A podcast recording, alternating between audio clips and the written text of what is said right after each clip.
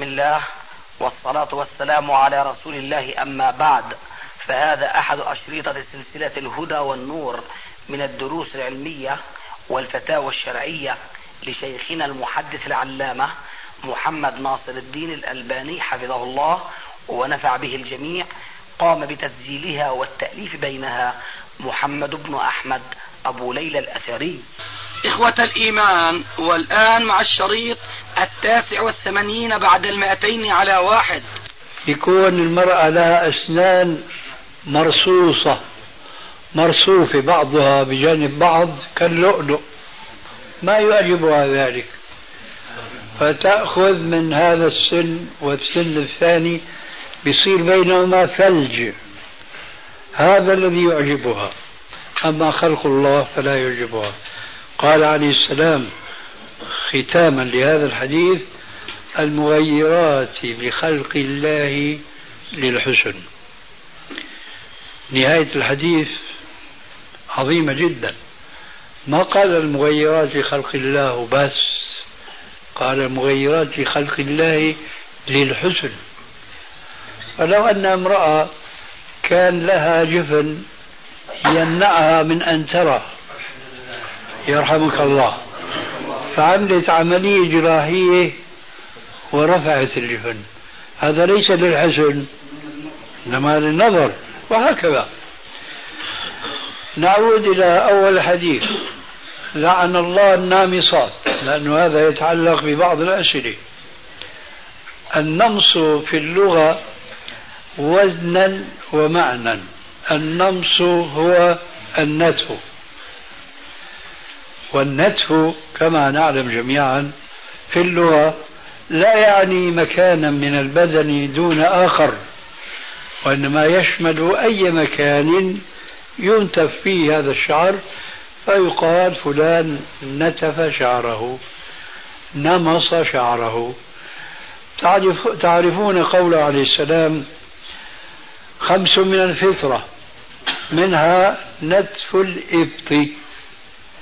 إذا نتف الإبط مسنون فطرة الله التي فطر الناس عليها.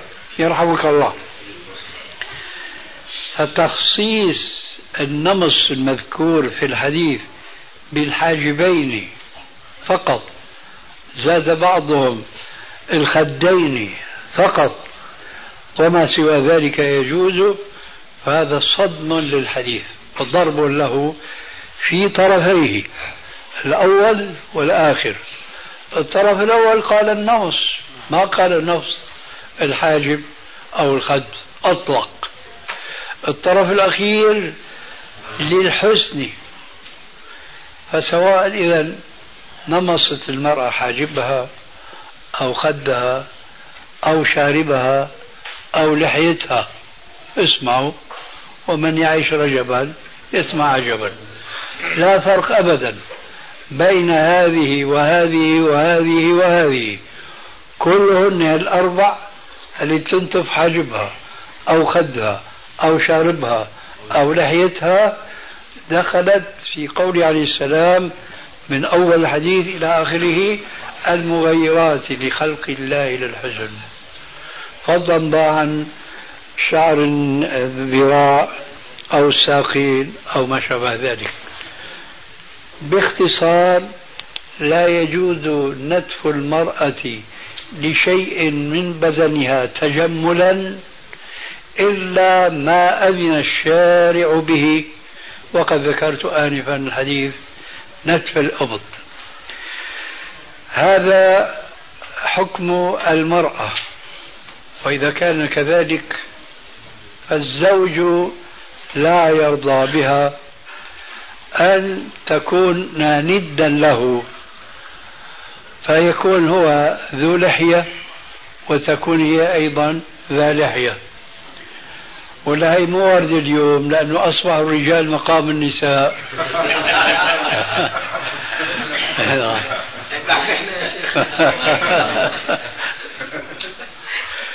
المهم فهو لا يرضى.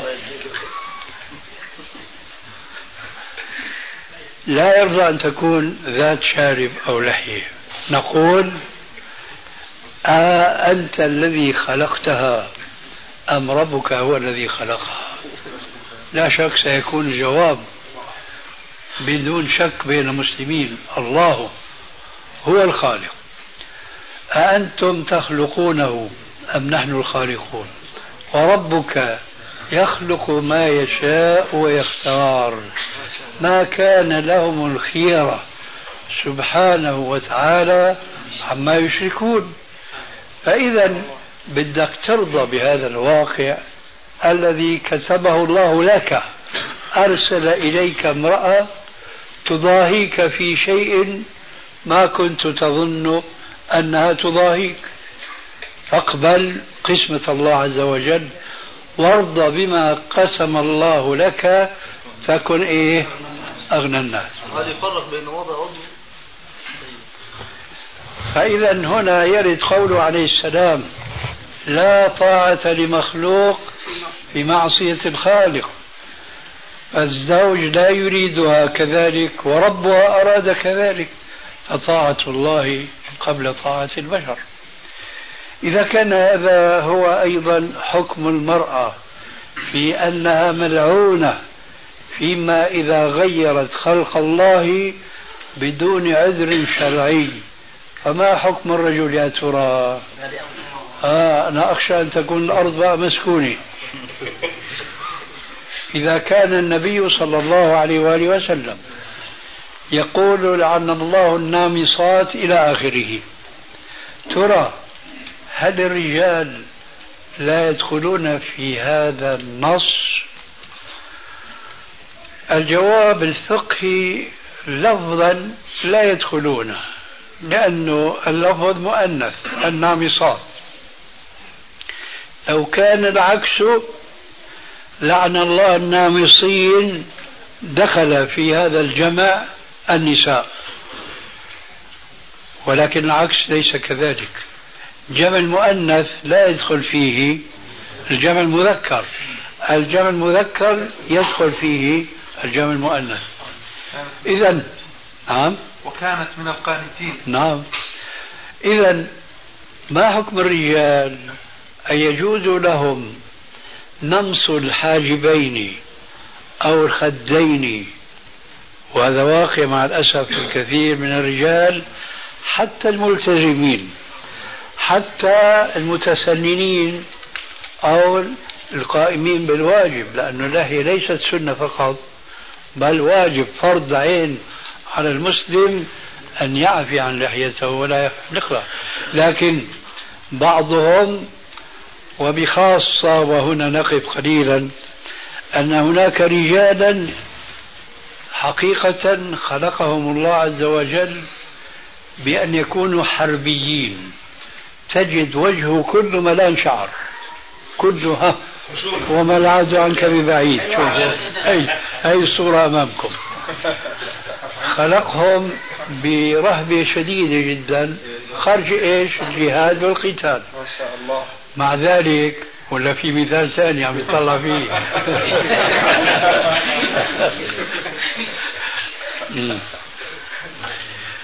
مع ذلك هؤلاء يتصرفون فيما خلقهم الله فيه أو عليه. يرون من اللطافة ومن الظرافه أن إيش؟ أن يأخذوا من خدودهم. وليتهم فعلوا ذلك بالموسى لكن نتفا. ترى هذا العمل منهم جائز نقول قلنا آنفا هم لا يدخلون في اللفظ لكنهم يدخلون في المعنى من باب أولى لماذا؟ لأن الرجال يعلمون كالنساء أن الله عز وجل ميز النساء على الرجال ببعض الخصال البدنية كالجمال والنعومة ونحو ذلك فإذا كان كما يقولون اليوم الجنس الناعم اللطيف حرم الله عز وجل عليهن زينة ما زينة ما. من هذه الزينة النتف. ترى ألا يكون هذا محرما على الرجال من باب أولى؟ هذا هو القياس الأولوي الذي يجمع على القول به الفقهاء. ولا تقل لهما أف ولا تنهرهما وقل لهما قولا كريما.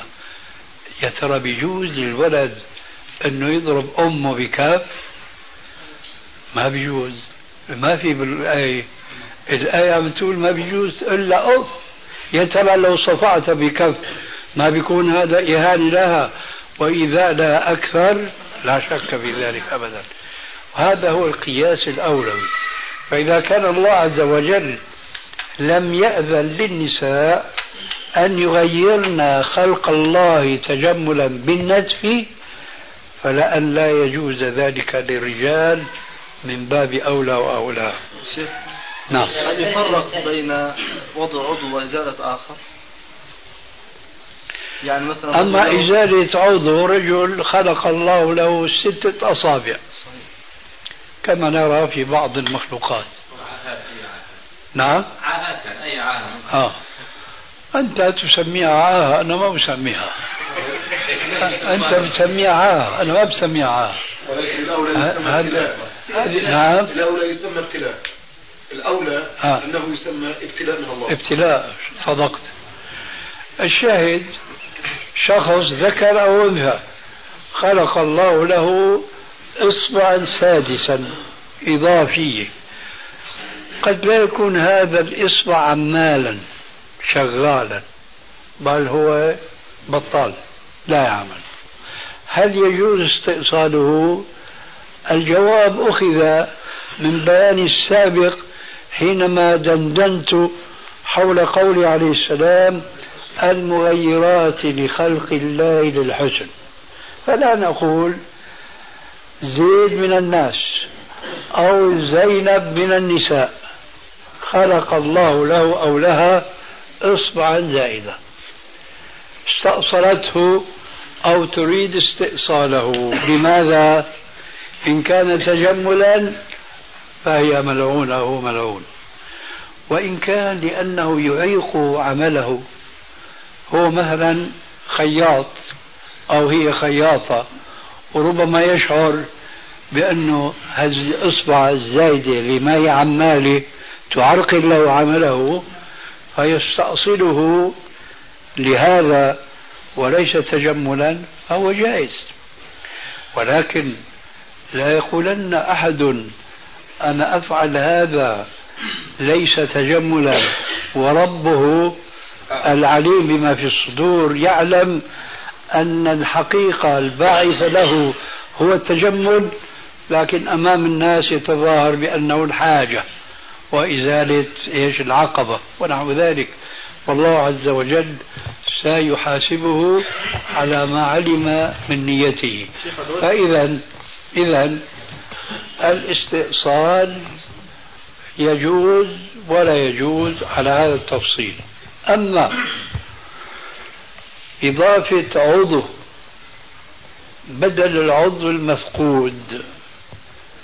فإذا كان المضاف إليه مأخوذا من إنسان سواء كان هذا الإنسان حيا أو ميتا فلا يجوز.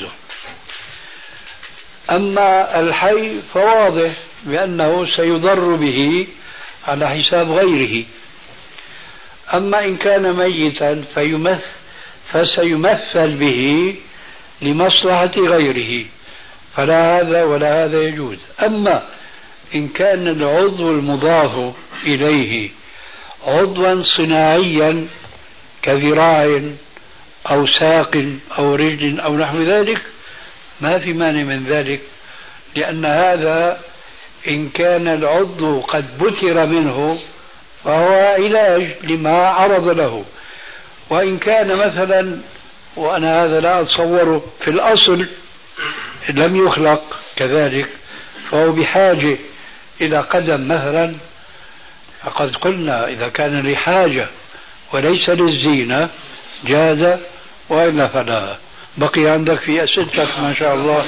جزء يا شيخ استعمال المرأة لأدوات التجميل. هل يدخل في التغيير الحسن؟ لخلق الله. لا شك أن التجميل الذي يسمى اليوم إيه؟ المكياج. المكياج. إيه؟ هذا المكياج لا شك أنه عادة أجنبية. والمسلمون قد نهوا في أحاديث كثيرة نبوية أن لا يتشبهوا بالكفار. قال عليه السلام بعثت بين يدي الساعة بالسيف حتى يعبد الله وحده لا شريك له وجعل رزقي تحت ظل رمحي وجعل الذل والصغار على من خالف أمري ومن تشبه بقوم فهو منهم. فهذا المكياج لا شك أن أمهاتنا وجداتنا ومن قبلهن لا يعرفن شيء اسمه مكياج. لكن في شيء معروف عند النساء بأنه تزين وتجمل. فإذا كانت المرأة تريد أن تتزين لزوجها وفي عقر دارها فلها أن تتزين بكل زينة إلا المكياج لأن فيه تشبها بالكفار أذكر أن في سنن داود حديثا عن أم سلمة أظن أن النساء في عهد أن النفساء في عهد النبي صلى الله عليه وسلم كنا يطلين وجوههن بالورس والورس نبت يصبغ صبر أصفر هيك فاتح ولعل هذا مما يشمله قوله عليه السلام طيب الرجال ما ظهر ريحه وخفي لونه وطيب النساء ما ظهر لونه وخفي ريحه. فإذا تتزين المرأة بغير المكياج الأوروبي لأنه تشبه بالأوروبيات وبخاصة كما تشاهدون مع الأسف من آه، حرص النساء في ملاحقة الموضات الجديدة. أنا وقد بلغت كما ترون من الكبر عتية أدركت مثلا بعض النساء كانت الموضة أنه يصبغ الشفتين بطولها. من أول إلى الأخير. وأدركت زمنا بطلت هذه الموضة لأنه ثبت لهم أخيرا أنه لا والله أنا أردت أن أقول شيئا آخر. آه، يذكر أنه من محاسن آه، خلق الرجل أن يكون كما ثبت في شمائله عليه السلام ضليع الفم. ليه؟ لأنه ضلاعة الفم تساعد الرجل على الكلام والبيان والفصاحة وما شابه ذلك. بينما العكس من ذلك المرأة أن يكون فمها لطيفا طريفا انتبهوا بعد لأيل أن هذا الصبغ الأحمر بضخم الفم هذا قباحة. إذا نحن زيادة في الغش بنحط هيك علامة بسيطة بصغر الفم.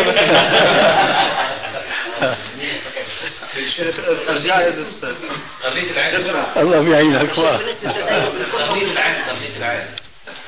الشاهد هذه أدركتها وتلك. لكن فيما بعد ظهرت موضة جديدة كان الحمرة لازم تكون حمرة قاني حمراء في الأول. كمان ما عجبهم هذا. مضي زمان صارت موضة إيش؟ بايخة. الموضة الجديدة تكون الحمرة فاهية. هذا أجمل يعني. وهكذا.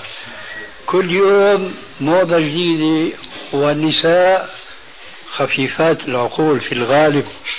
بيلاحقوا الموضة كل يوم بيوم. مما يذكرني لطيفة كنت قرأتها مرة. رجل مر بصاحبه وصاحبه مسرع. قال له مالك مسرع؟ قال زوجتي رغبت مني أن أشتري لها فستانا في السوق وها هو في يدي. وأنا أريد أن أدركها في الدار قبل ما تطلع موضة جديدة وتبطل. اي نعم. فلذلك لا يجوز للمسلم أن يزين مرته يمدها بمدده من وسائل المكياج. لأن هذا في الحقيقة تشبه بالكفار واهتمام بما لا يجوز الاهتمام به في الإسلام.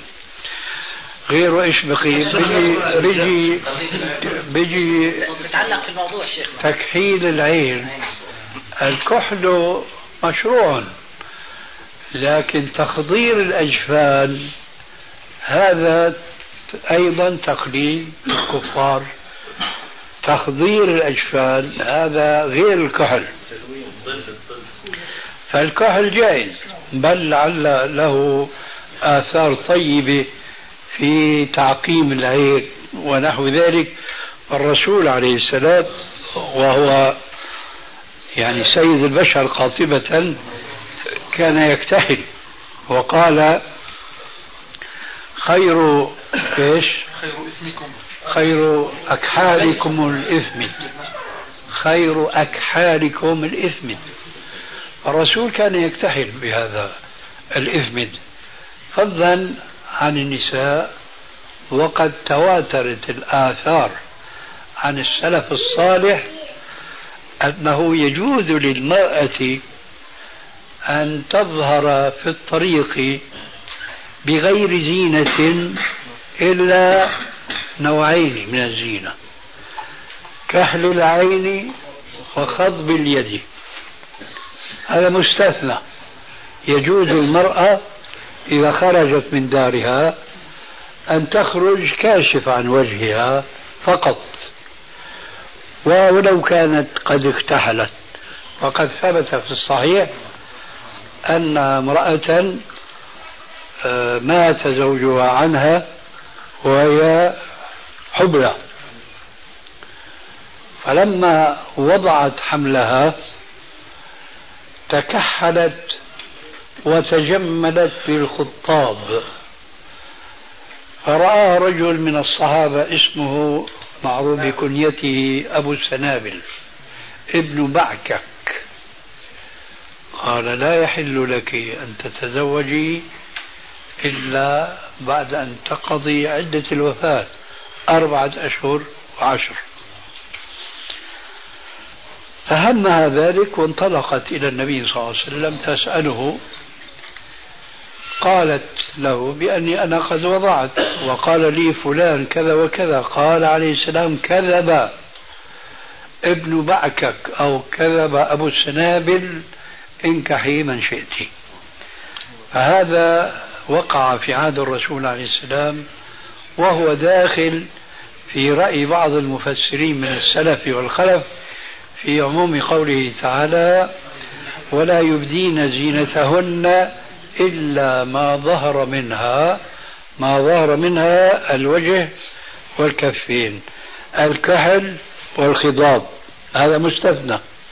ولذلك فلا بأس للمرأة أي نعم فلا بأس للمرأة أن تستعمل في زينتها الكحل في عينيها بخلاف تخضير جفنيها.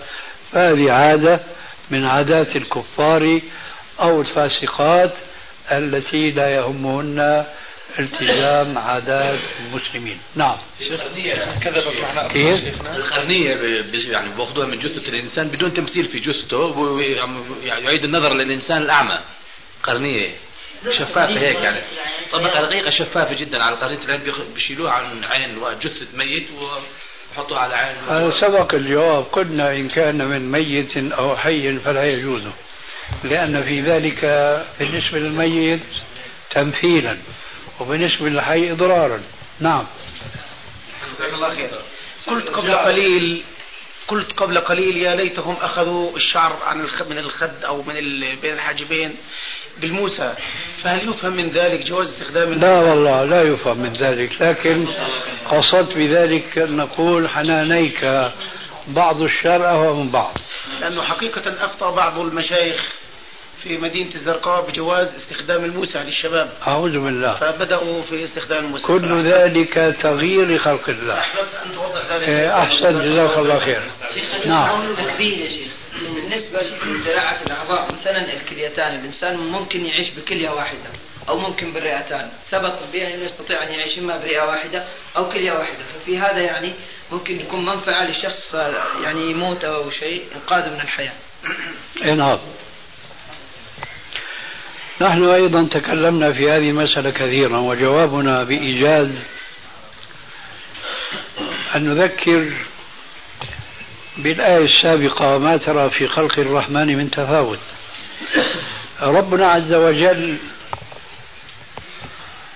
كما نرى في الإنسان ظاهرا وباطنا نوع فيه أعضاءه. فبعض الأعضاء آه، متكررة متعددة كاليدين والرجلين والأصابع ونحو ذلك. ومن ذلك الكليتان. لكن بعضها وحيدة فريدة كالقلب مثلا. فحينما خلق الرجل بقلب وبكليتين ما خلق ذلك عبثا؟ لابد من حكمة. وإذ الأمر كذلك وهو كذلك في المئة مئة. فلا ينبغي للمسلم أن يقول أنه هو في كلية أخرى فليتصدق بإحداهما أو ليبيعها ويعتاش منها خاصة إذا كان فقيرا. نقول لا والسبب في ذلك وهذا حديث جرى بيني وبين بعض الأطباء أنا كنت أقول انطلاقا من هذا الفقه والفهم في الدين منطلقا من الآية السابقة ومن دراستنا لبنية الإنسان بقلب واحد بكلوتين ما خلق الله ذلك عبثا. فأنا أقول للأطباء فضلا عن غيرهم من الذين تأثروا بكلام الأطباء أنه ممكن الإنسان يعيش بكل وحده ولذلك فيجوز لهذا الإنسان أن يتطوع أو أن يخرج بأي طريق كان عن كل وحده لأنه يستطيع أن يعيش بالأخرى. أنا أقول معهم يستطيع أن يعيش بالأخرى لأن هذا ثابت بأشخاص كثيرين وللعبرة أقول وأنا منهم. شايفين الإنسان عم يتكلم معكم بصراحة وصوت جهوري والى آخره كلوتي هذه بطالة عطالة. والحمد لله. لكن أريد إن شاء الله أريد أن أقول شيئا. هذه الكلوة تعطلت مني قبل سنتين أو ثلاثة. ومثلي كثيرون يعني جدا. فلو كنت أتبنى ذلك الرأي. وجاء إنسان صديق حبيب إلى آخره قالوا لي هذا رجل يحتاج إلى مدد. وأحسن من يمده هو قريبه وهو أنت. شو رأيك تتبرع بكلوة؟ لو كنت أنا أتبنى ذلك الرأي أي جوازه كنت تبرعت مثلا بالكلوة اليسرى. فماذا أكون قد فعلت أنا مع المستقبل البعيد؟ عرضت نفسي للهلاك. ولذلك قلت لأحد الأطباء هل أنت تستطيع حينما تقول أنه يستطيع أن يعيش بإحدى الكليتين فيتبرع بالأخرى هل تستطيع أن تقول في المستقبل لا يمكن أن يعرض لذي الكلوة الواحدة مرض ما فيها فيكون هلاكه فيها؟ قال لا ما أستطيع. إذا ليش فاتحين الباب بجواز التبرع بالكلوة؟ والله خلقها كلوتين. فإذا في كلوة من الكلوتين على الأقل شو بتكون؟ كما تقولون أنتم ستبن ولا إيه؟ آه spare نحن في سوريا بنقول ستبن أنتم بتقول ولذلك قلت لأحد الأطباء هل أنت تستطيع حينما تقول أنه يستطيع أن يعيش بإحدى الكليتين فيتبرع بالأخرى هل تستطيع أن تقول في المستقبل لا يمكن أن يعرض لذي الكل والواحدة مرض ما فيها فيكون هلاكه فيها؟ قال لا ما أستطيع. إذا ليش فاتحين الباب بجواز التبرع بالكلوة؟ والله خلقها كلوتين. فإذا في كلوة من الكلوتين على الأقل شو بتكون كما تقولون أنتم ستبن ولا إيه؟ spare. نحن في سوريا بنقول ستبن. أنتم بتقولوا إيش؟ spare. فإذا هاي من الفائدة. هلأ إنسان بسيارته إذا بده يمشي مسافة قصيرة أقصر بكثير من العمر الطويل فهو بحاجة إلى spare. ربنا اللي خلق هذا الإنسان خلق له الاحتياط هذا. فأنت بتجي بجهلك بقى أيها الطبيب وبتقول تبرع ب spare هذا شو دراك إنه بكرة بينفجر؟ هذا لذلك ما يجوز هذا التبرع اطلاقا. حديث لا طلاق في إغلاق. أيوه. فقه هذا الحديث. فقه هذا الحديث أن الزوج إذا طلق في حال نفسيه غير طبيعيه غير جامع افكاره غير ناظر لعاقبة أمره وإنما هي ثورة غضبية غضب على زوجته بحق أو بباطل مش مهم.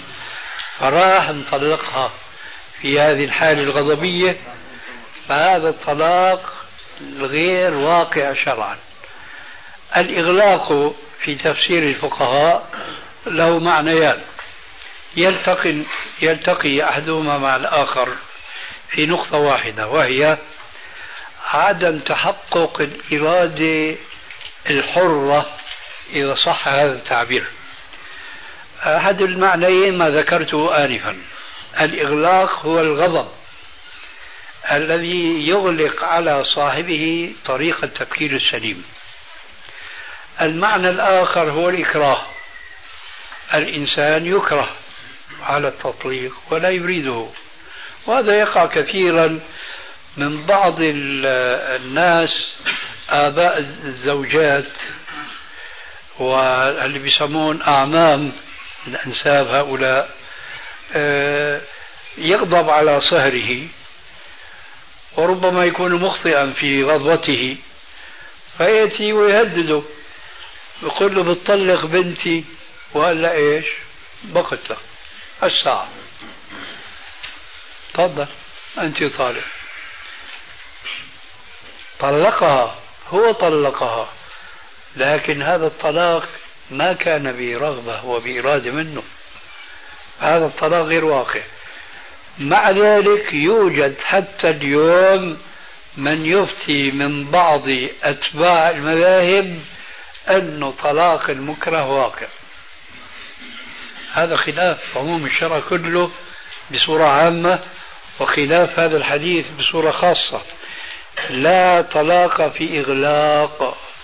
والله عز وجل قد حكى عن كليم الله موسى أنه فعل فعلا لو فعله الماسك لنفسه المدرك لعاقبة تصرفه لكفر.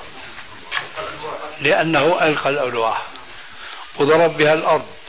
مثل الإنسان بياخذ المصحف الكريم وبيضرب به الأرض. هذا لو فعله عامدا متعمدا كفر. لأنه إهانة كلام الله عز وجل. وموسى ألقى الألواح التي فيها التوراة. متى؟ لما أبلغ بأن قومه اتخذوا العجل من بعده عبدوه من دون الله تبارك وتعالى فهذه الثورة الغضبية منعته أن يفكر في عاقبة ما فعل فضرب الأرض بالألواح هذه التي فيها الصحف صحف إبراهيم وموسى. إذا كان هذا كريم الله يفعل مثل هذا. فماذا نقول بعامة الناس خاصة بالناس اللي ما في عندهم جلد وما عندهم صبر. وأخيرا يأتينا حديث في الصحيحين من حديث أبي بكر الثقفي رضي الله عنه قال قال رسول الله صلى الله عليه وآله وسلم لا يقضي القاضي بين اثنين وهو غضبان. لا يقضي القاضي بين اثنين وهو غضبان ترى لو قضى بين اثنين في قضية ما أعطى لزيد ما لبكر ولو فلس واحد. هل ينفذ قضاؤه في حالة الغضب؟ الجواب لا لأن الرسول قال لا يقضي. لا يجوز أن يقضي فقضى فحق قضاؤه غير نافذ.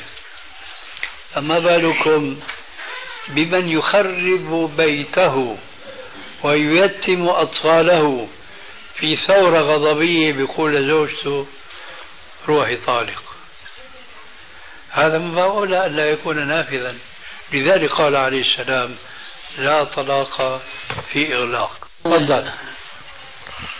شيخنا لو سمحت بالنسبة للمكياج المرأة أنت يعني جئت به على أساس أنه من باب تغيير لخلق الله عز وجل. ليس من هذا الباب. نسيت الموضوع. السؤال الثاني الحمد لله. نعم. لحظة حديث له حكم مرفوع وهو في المشكاة وفي صحيح الجامع أن رسول الله صلى الله عليه وسلم نهى عن الكوبة هكذا أحفظ ضبطها. نهى عن الكوبة آه، والغبيراء والكوبة كما رجعت إليها من معانيها الشطرنج من معانيها الشطرنج.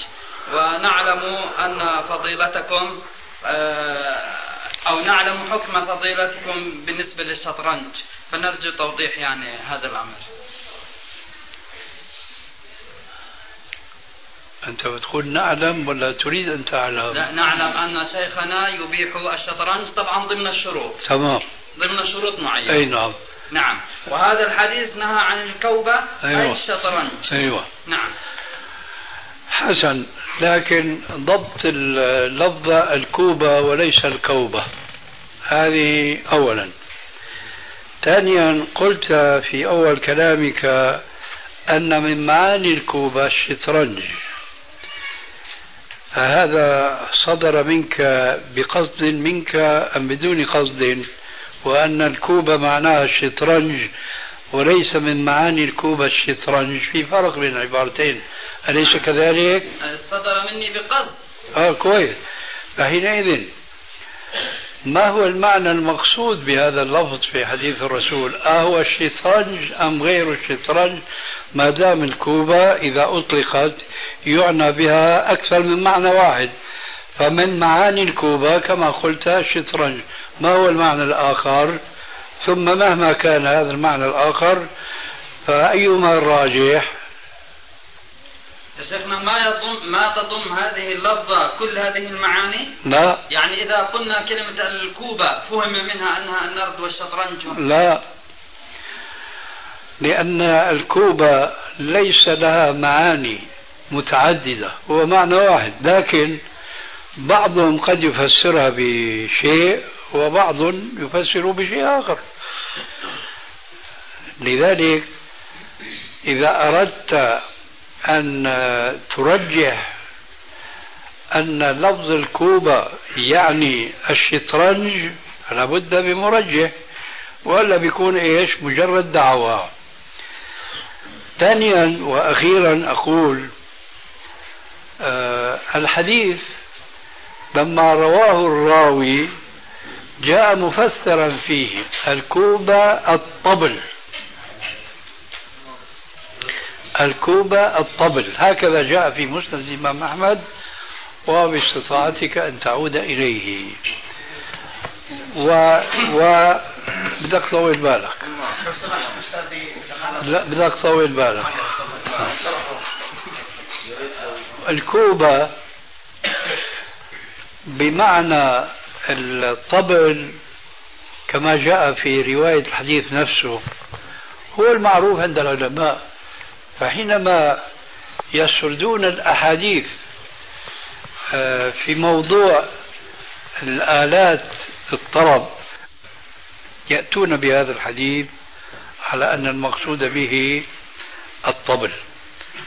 وحينما يتحدثون وبخاصة شيخ الإسلام ابن تيمية عن الشطرنج وعن حكمه في الإسلام وهو متحمس ويميل إلى تحريم هذه اللعبة الشطرنج لا نجده لا هو ولا غيره يحتج بحديث النهي عن الكوبة. والحديث لفظه في في مسند أحمد من أجل فائدة أقول آه إن الله حرم على أمتي الخمر والميسر والكوبة. إن الله حرم على أمتي الخمر والميسر والكوبة. وقال الراوي الكوبة الطبل. الشاهد أن ابن تيمية المتحمس والمندفع إلى تحريم الشطرنج لما له من آثار سيئة في المدمنين له ما احتج بمثل هذا الحديث لا هو ولا غيره.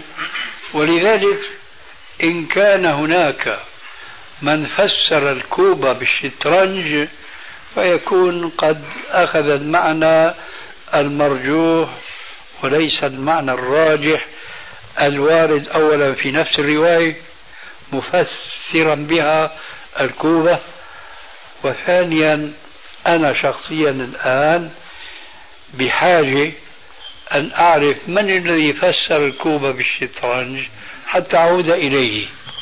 تذكر من هو؟ نعم أذكر. من؟ آه، قرأتها أنا وأحد آه، طلبة العلم في صحيح الجامع وينقل هذا عن آه، كتاب لسان العرب لابن منظور. نعم. إذا في لسان العرب نعم طيب أنا سأعود إلى لسان العرب فإذا وجدنا أنه من معاني الكوبة هو الشطرنج فاحفظ أنت الجواب أن الراوي فسر روايته بالطبل وليس بإيش؟ بالشطرنج. أنا شيخنا قيد معناها ما أطلق يعني على هذا ف مش عن مش من عنا التقييد. مش من عنا التقييد يا أخي. التقييد من الراوي. وهذه قاعدة أن الراوي أدرى بمرويه من غيره. هذا نحن جوابنا. نعم. ما حكم التكبير عند ختم القرآن؟ من هو؟ التكبير عند إرادة ختم القرآن. التكبير نعم. لا أصل له في السنة الصحيحة نعم. وإنما في ذلك حديث يرويه علماء القراءة والمتقنون منهم كابن الجزري يبين أنها لا تصح ابن الجزري يذكر أنها لا تصح نعم. لا تصح نعم هم يقولون إنهم تناقلوها بالسند يعني هذا أخذها عن هذا بسند متصل إلى الرسول عليه السلام فكيف تكون وهل كل سند متصل إلى الرسول يكون صحيحا؟ هم قصدوا أنه ولو. كان فيه كذابا؟ لا هم قصدوا إنه بالتلقي وليس بال يعني فرق بين سند الحديث وبين تلقي القرآن. يعني هذا قرأ على هذا ففعل مع أمامه التكبير. وهذا اللي هو التلميذ آه، كان شيخا بعد ذلك فقرأ على شيخه وهكذا. بأسانيد آه، ليس فيها انقطاع يعني يقصد على طريقة ابن أبي ابن أبي النجود. كيف؟ ابن أبي النجود عاصم. أي نعم. إنه الرجل معروف في في, في القراءة بالثقة فتناقل القراء ذلك بالسند الصحيح إلى النبي صلى الله عليه وسلم مع القرآن. يعني هذا المقصود. مقصود من؟ مقصود القراء الذين ناقشناهم في هذا المسألة. هذه دعوة ولا موجود في الكتاب؟ دعواهم معهم إجازات محفوظة. يعني كل واحد ممن يلقي القرآن معه معليش محفوظة. محفوظة متصلة ولا مقطوعة؟ متصلة يقول أنا إيه وين هذا؟ موجود في الكتاب ولا مفقود؟ موجود في كتبهم ومحفوظاتهم يعني ليأخذ إجازة على شيخ من, من معليش يا أخي لا أنا أنا مجاز بالقراءة نعم. لكن أنا أسأل أنه هل هذا مسطور في كتاب بسند متصل؟ أنا عم أحيلك على كتاب من الجزري اللي اسمه النشر في القراءة العشر هناك هو يذكر سند هذا الحديث ويقول أنه هذا الإسناد لا يصح. نعم فإن كان المقصود بكلامك هو هذا إيه. فهذا مردود. وإن كان شيء آخر فأين هو؟ الذهبي في القراء شيخنا برضه في معرفة القراء الكبار الإمام الذهبي برضه من فيه وضع ما هو هذا؟ طيب يا شيخ القراءة القراءة بدون تجويد خاصة إذا أراد آه، آه، أن يقرأ ورده أو آه، أراد المراجعة. هل يجب التجويد في القراءة أم لا يجب؟ التجويد أخي في تجويد وفي ترتيل نعم. التجويد معناه كما نعلم جميعا أنه مثلا الغنة والإخفاء والإظهار نعم. هذا يمكن ولو بالاستعجال نعم. فلا يجوز أن تقلب الإظهار إلى إقلاب أو الإقلاب إلى إدغام نعم. أو ما شابه ذلك نعم. سواء قرأت آه، هذا نعم. كما قال ابن مسعود في بعض الروايات كهذ الشعر أو قرأت كما قال تعالى في القرآن ورتل القرآن ترتيلا. هذا لابد أن يحافظ عليه. لا المقصود أقل. نعم. المقصود أنه بدون غنة أو بدون مدود من أجل السرعة حتى لا المدود هلا المد المتصل ستة وأقله أربعة فلا بد من أربعة. أيوه المد الطبيعي حركتين فما بيجوز حركة من أجل العجله وهكذا. شيخ لو سمحت يا الله. نعم. في كتاب آداب الزفاف تذكر إنه بترد على اللي بيقولوا إن الرسول صلى الله عليه وسلم كره الصورة اللي في حديث السهوة اللي كانت مغطية بقران إنه الرسول صلى الله عليه وسلم كرهها لأنها تصف الكذب لأنه فيها كانت خيول ولها أجنحة. فرديت عليه أنت إنه في رواية عن عائشة أنها كانت متخذة بين لعبها فرس أو خيل وله أجنحة. نعم. الآن قبل قليل قلت إنه ما بجوز انه الواحد يغير في خلق الله. ومع إنه في كان يعني مع إنه في الخيل اللي له أجنحة تغيير في خلق الله ما في خيل له أجنحة. إذا أنت حفظت شيئا ونسيت وغابت عنك أشياء أنا لما قلت آه،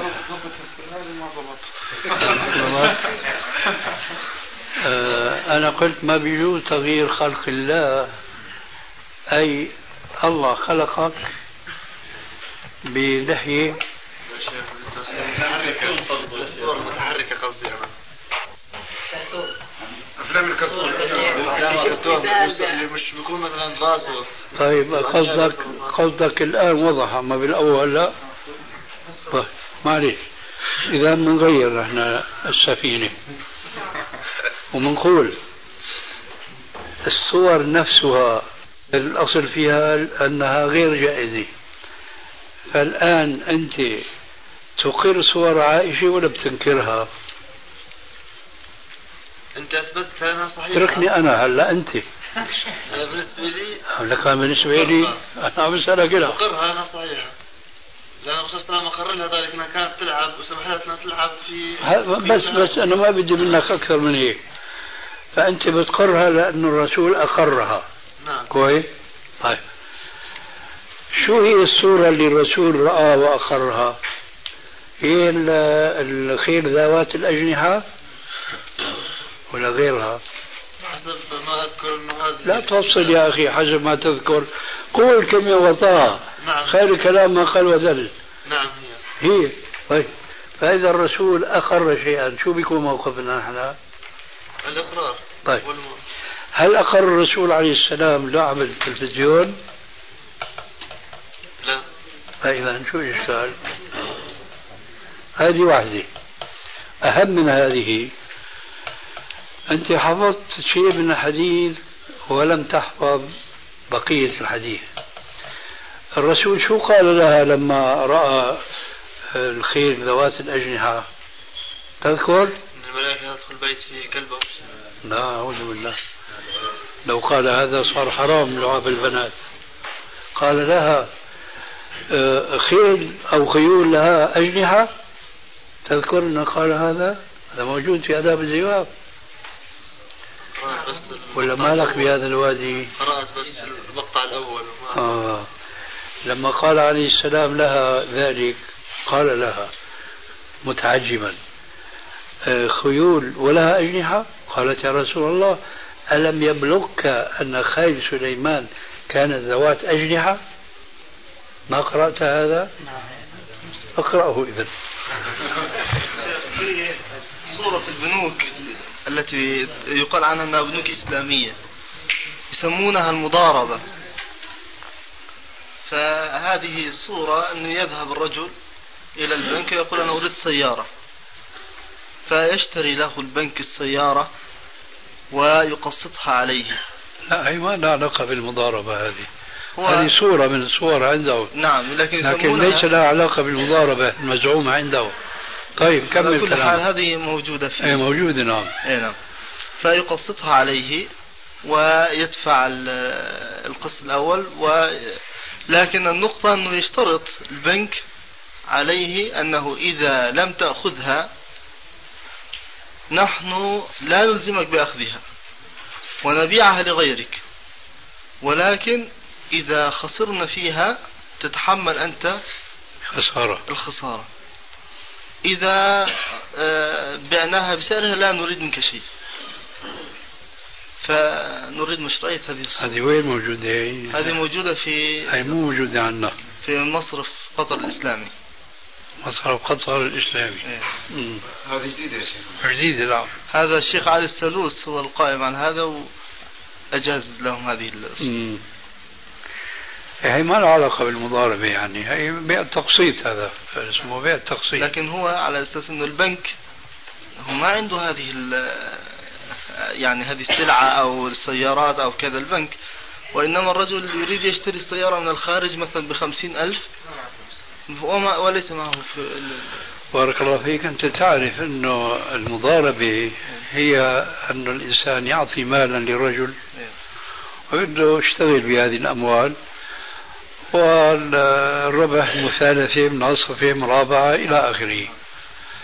آه، فإن ربح فله ما اتفق عليه وإن خسر فلا شيء له وبالعكس ذهب ماله وذهب ذاك تعبه.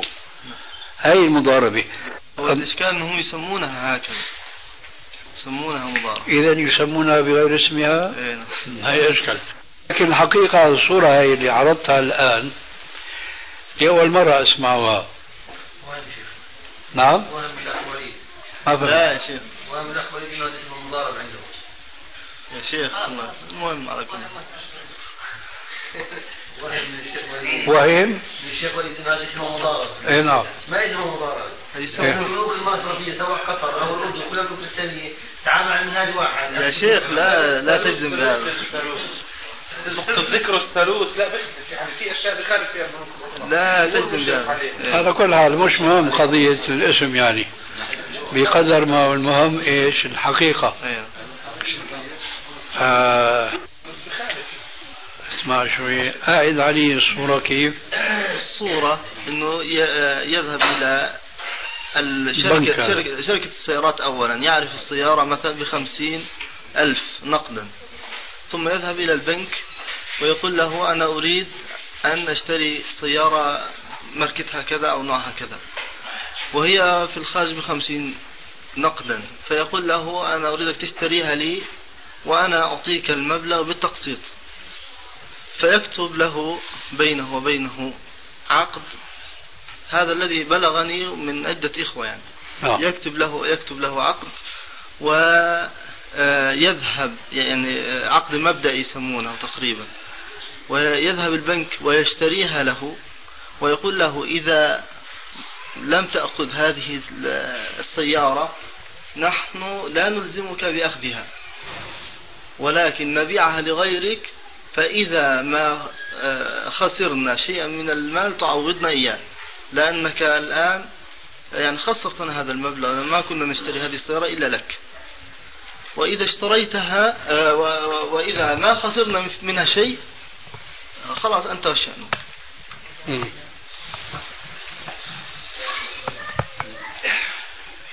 في نقطة هنا لأنه على الظاهر ظاهر ما سمعت مبدئيا بقول أنه يجوز لكن في نقطة ما هي موضحة في كلامك. قلت هو يذهب إلى الشركة.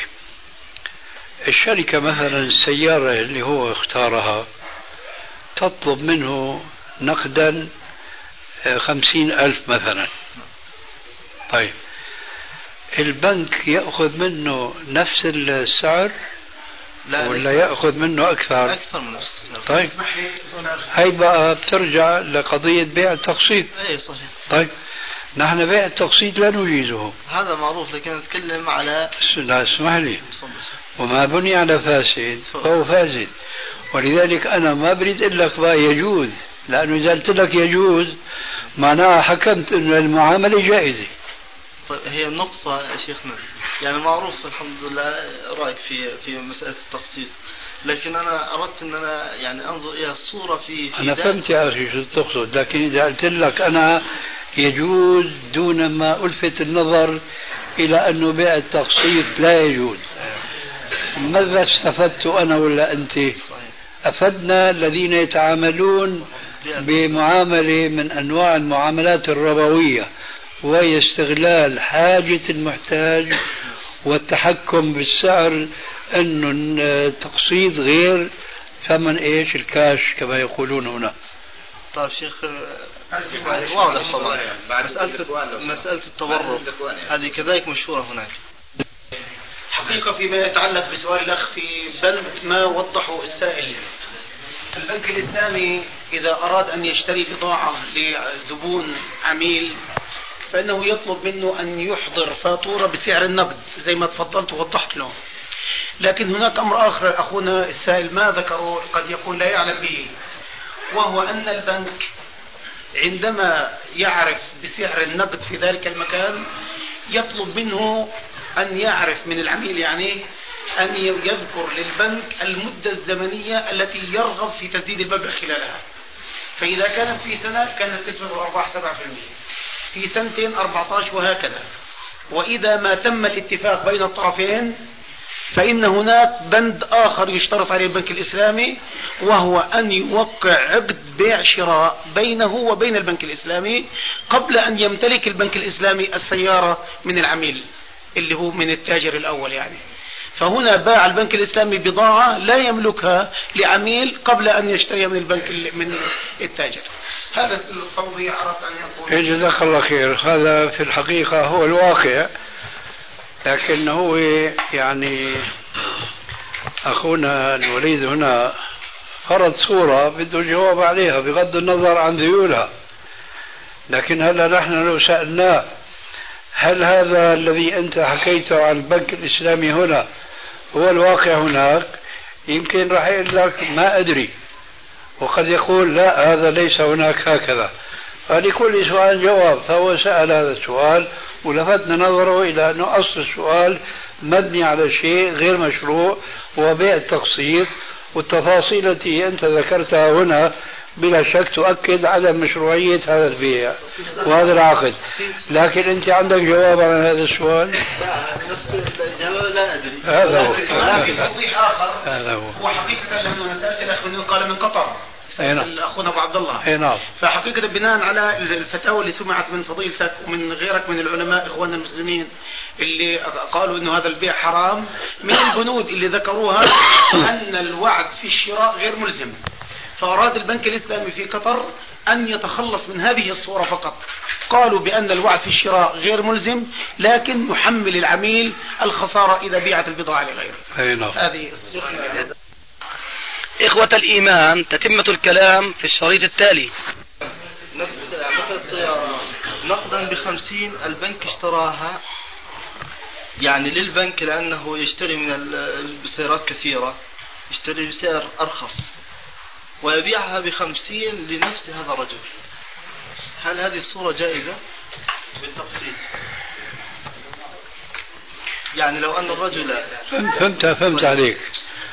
وراح تعرف إني فهمت ولا لا لما بوجه لك سؤال الثاني وبجاوب أنت عليه. آه نحن الصورة السابقة أن وكالة سيارة بتبيع سيارة كذا موديل بخمسين ألف. نقدا. سألتك أنا من قبل البنك بيبيعه خمسين تقسيطا؟ قلت لا. الآن طور السؤال. لا ما تطول بالك عليه. الآن تطور الموضوع وتطور الجواب. قلت لا البنك ببيع بالتقسيط بنفس السعر هل اللي بتبيعه الوكالة بالنقد. أنا افترضت صورة أخرى. معليش. هلا قلت هيك. أنا ما قلت عليه غير هيك. الآن قلت هيك. هي صورة حقيقية هي خيالية أنا ما بيهمني التحقيق الآن. آه لكن هذه الصورة غير تلك. الآن أنا بسألك هالصورة هاي إن كانت خيالية ولا إن كانت حقيقية؟